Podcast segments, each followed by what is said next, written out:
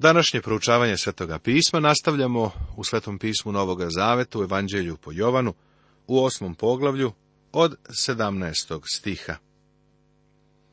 Evo Isusove druge izjave. On ne sudi drugima po telu. Svaki sud koji ti i ja donosimo jeste sud po telu. Naš sud je ograničen, prosto zato što nemamo sve činjenice. Teorija evolucije je primjer za to.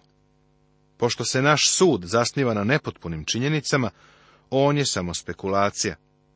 Čovek ili prihvata spekulaciju ili prihvata otkrivenje. Ako neko sudi po telu, prirodno je da će ići za spekulacijom. Gospod Isus kaže da ne sudi po telu. On nam daje sud koji dolazi s neba. Iznosi nam Božije sagledavanje, Božiju procenu. To je otkrivenje, a razlikuje se od čovekove tačke gledišta. Zato je postojalo neprijateljstvo ovih religioznih vođa. I u vašem zakonu stoji napisano da je istinito svedočanstvo dvojice ljudi. Ja svedočim za sebe, a svedoči za mene i otac koji me je poslao. Evo trećeg razloga zašto je njegovo svedočanstvo istinito. Otac je svedočio za njega. Sa neba su čuli očev glas. Tada mu rekoše, gde je tvoj otac? Odgovori Isus, ne znate ni mene, ni moga oca, kad biste znali mene, znali biste i moga oca. Oni se ponovno pozivaju na njegovo rođenje. Zapazi da Isus Boga naziva svojim ocem. To je odnos drugačiji od onoga koji ti i ja imamo sa Bogom kroz veru u Hrista. Seti se, on je Mariji nakon svoga vaskrsenja rekao, idem gore svome ocu i ocu vašem. Kroz veru u Isusa Hrista postajemo Božija deca, a Isus je Božiji sin, zbog svog položaja u trojstvu. On je Bog sin i on se obraća Bogu ocu. Ovo nema nikakve veze sa generacijom ili regeneracijom, nego sa Hristovim položajem u trojici. Kad biste znali mene, znali biste i moga oca. Evo raskola. Evo pravog pitanja. Nema sredine. Ako hoćeš da upoznaš Boga oca, moraš doći kroz Isusa Hrista. Nema drugog puta. Ove reči je izgovorio kod riznice kad je učio u hramu. Nikoga ne uhvati, jer još ne beše došao njegov čas.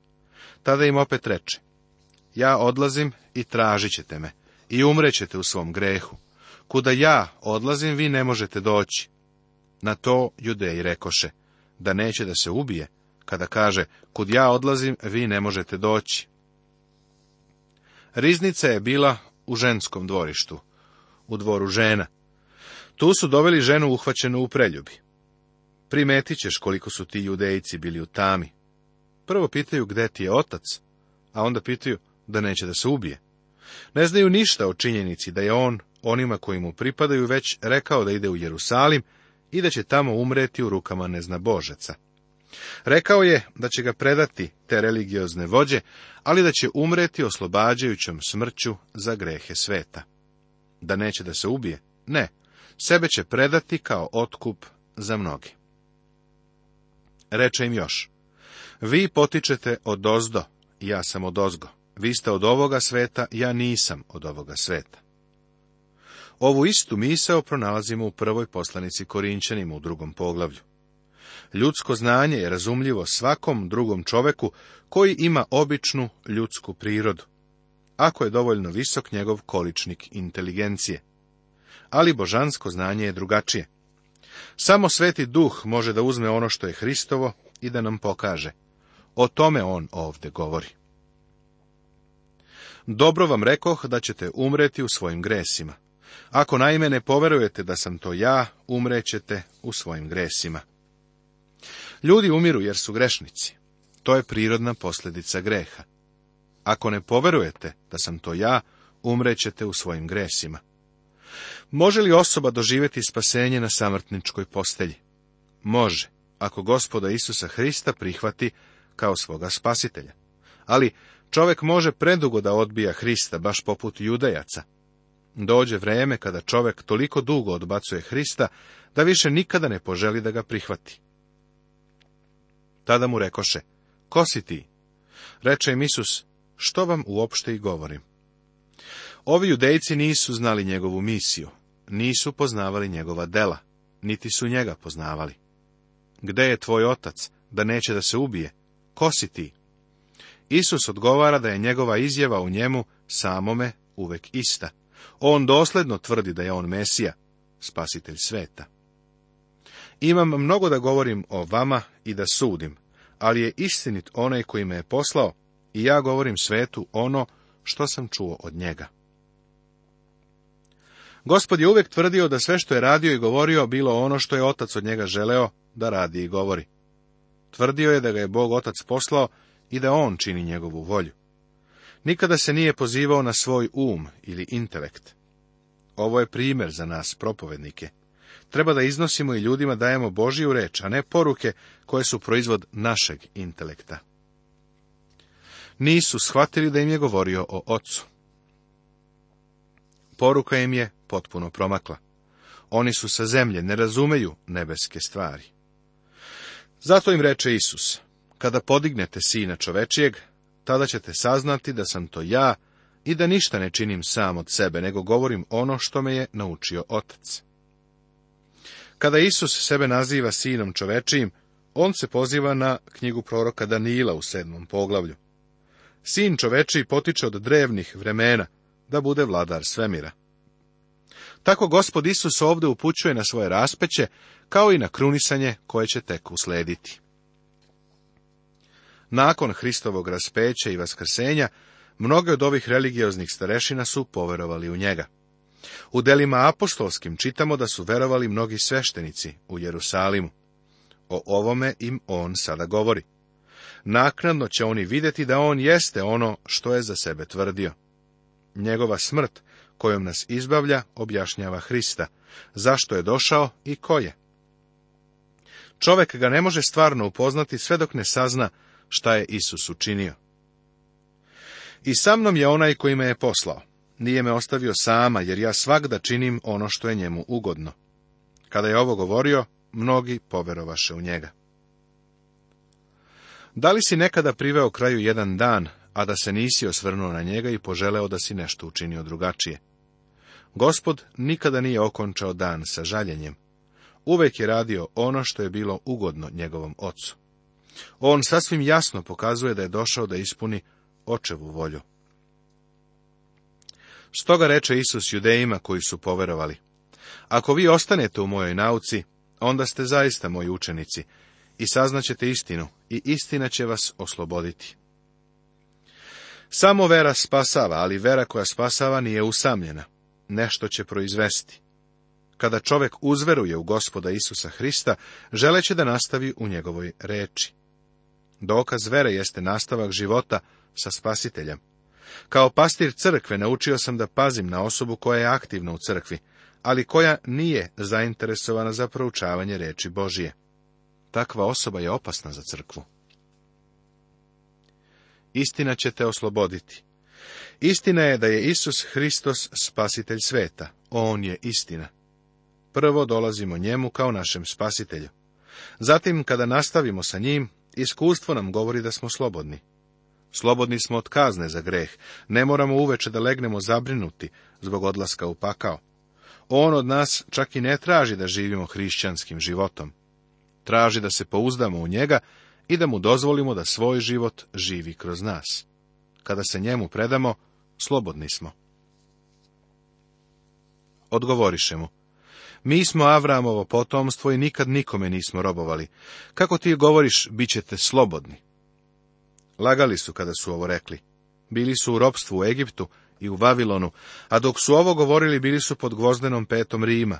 Kakva je samo ovo pogrešna predstava bila? Odgovori im Isus. Zaista, zaista kažem vam, da je svaki ko greši rob greha, a rob ne ostaje u kući do veka, sin ostaje do veka. Ako vas dakle sin oslobodi, bit ćete stvarno slobodni. Znam da ste Avramovo potomstvo, ali tražite da me ubijete, zato što moja reč nema mesta u vama. Ja govorim ono što sam video kod svoga oca. Činite i vi što ste čuli od vašega oca. Fizički nisu bili potpuno slobodni, ali nisu bili slobodni ni duhovno. Tvrdili su da su Avramovi potomci, ipak su hteli da ubiju Isusa. Svaki ko greši rob je greha, ovo je napisano u sadašnjem vremenu. Ako nastaviš sa životom greha, rob si grehu. Sumnjam da iko od nas provede dan, a da nijednom ne sagreši. Ali dete Božije dolazi ocu svakoga dana i priznaje svoj greh. Dete đavola to nikada ne radi. To je poenta stiha u Rimljanima u poslanici, u šestom poglavlju, u šestnestom stihu. Zar ne znate da ste sluge onoga kome se pokoravate, kome se u pokornosti kao sluge predajete? Isus je ovdje vrlo suptilan. Sluga može doći i raditi danju, ali kada padne veče uzima svoj šešir i odlazi kući. Sin dođe, stavi šešir u ćošak, sedne, opusti se jer je on sin. Gospod je svim starešinama i vođama govorio da oni u stvari nisu Božja deca.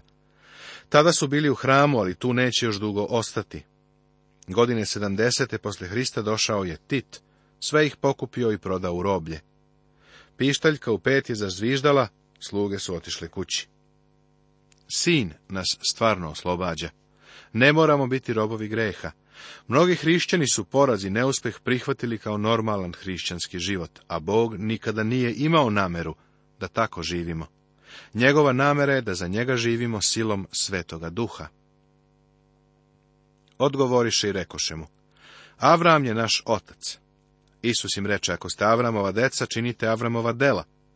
Vi, međutim, sada tražite da ubijete mene, čoveka koji vam je kazao istinu koju je čuo od Boga. Avram tako šta nije učinio. Vi činite dela svoga oca. Rekoše mu, mi nismo rođeni iz bluda, jednog oca imamo Boga. Reče im Isus, kad bi Bog bio vaš otac, voleli biste mene, jer sam ja od Boga izišao i došao i nisam sam od sebe došao, nego me je On poslao. Zašto ne razumete moga govora? Zato što ne možete da slušate moju reč. Vi potičete od oca đavola i hoćete da činite želje svoga oca. On je bio ubica ljudski od početka i u istini se nije učvrstio, jer u njemu nema istine. Kada govori laž, od svoga govori, pošto je laža i otac laži. Stara poslovica kaže kakav otac, takav sin. Iako su oni tvrdili da su Avramova deca, Isus ovim ljudima kaže da bi se ponašali kao Avram, da su stvarno njegova deca. Umjesto toga, oni su nastojali da ga ubiju. Tako, Umesto da budu Avramova deca, oni su u stvari bili deca đavola. Sotone je začetnik ubistva i laži, a oni, njegova deca, su njega oponašali. Vi činite dela svoga oca. Zapazi kako se ovdje ponovo javlja tema mi nismo rođeni iz bluda. Kada sam tek stupio u službu, zastupao sam stav da čovek može da poriče Hristovo devičansko rođenje i da bude hrišćanin. Danas više ne mislim tako. Ako poričem Hristovo devičansko rođenje, verujem da se pridružujem toj gomili koja se podsmeva, mi nismo rođeni iz bluda. Ipak, ova gomila je želela da tvrdi da je Bog njihov otac. Isus im kaže, kad bi Bog bio vaš otac, voleli biste mene, jer sam ja od Boga izišao i došao i nisam sam od sebe došao, nego me je On poslao. Kako znamo da je Bog naš otac? Jovan nam u svojoj poslanici daje odgovor. Svako ko veruje da je Isus Mesija, rođen je od Boga, i svako ko voli roditelja, voli i onoga koji je od njega rođen. Ovi judejci su mislili da su Božija deca, a stvarno su bili deca đavola. Istu ideju nalazimo i danas. Ova doktrina univerzalnog Božijeg očinstva i univerzalnog bratstva ljudi dovela nas je u veliku nevolju. Oblikovala je filozofiju američkog naroda. Za konferencijskim stolom sedimo sa decom đavola i nazivamo ih Božijom decom. Plašim se da je američki narod prevaren, da su ga prevarili drugi narodi ovog sveta, jer naše diplomate i pametni političari prosto deluju na osnovu pogrešne pretpostavke. Biblija nas ne uči o univerzalnom Božijem očinstvu kao ni o univerzalnom bratstvu ljudi. Isus očigledno nije poučavao o ovome, jer on ovim religioznim vođama kaže da su deca đavola. Očigledno ima ljudi koji nisu deca Božja. Čovek postaje Božje dete jedino kroz veru u gospoda Isusa Hrista. Isusove reči su se protivile ovim ljudima. Ipak, Isus je insistirao na tome da su te reči istinite. Također je insistirao na tome da niko od njih ne može da ga osudi za greh. Isus dolazi od Boga, a svako ko jeste Božje dete, slušat će Isusa Hrista. Ljudi ni danas ne vole o tome da slušaju. Nastoje da misle kako smo svi fini, slatka braća, pa pričaju o ljubavi, ljubavi, ljubavi.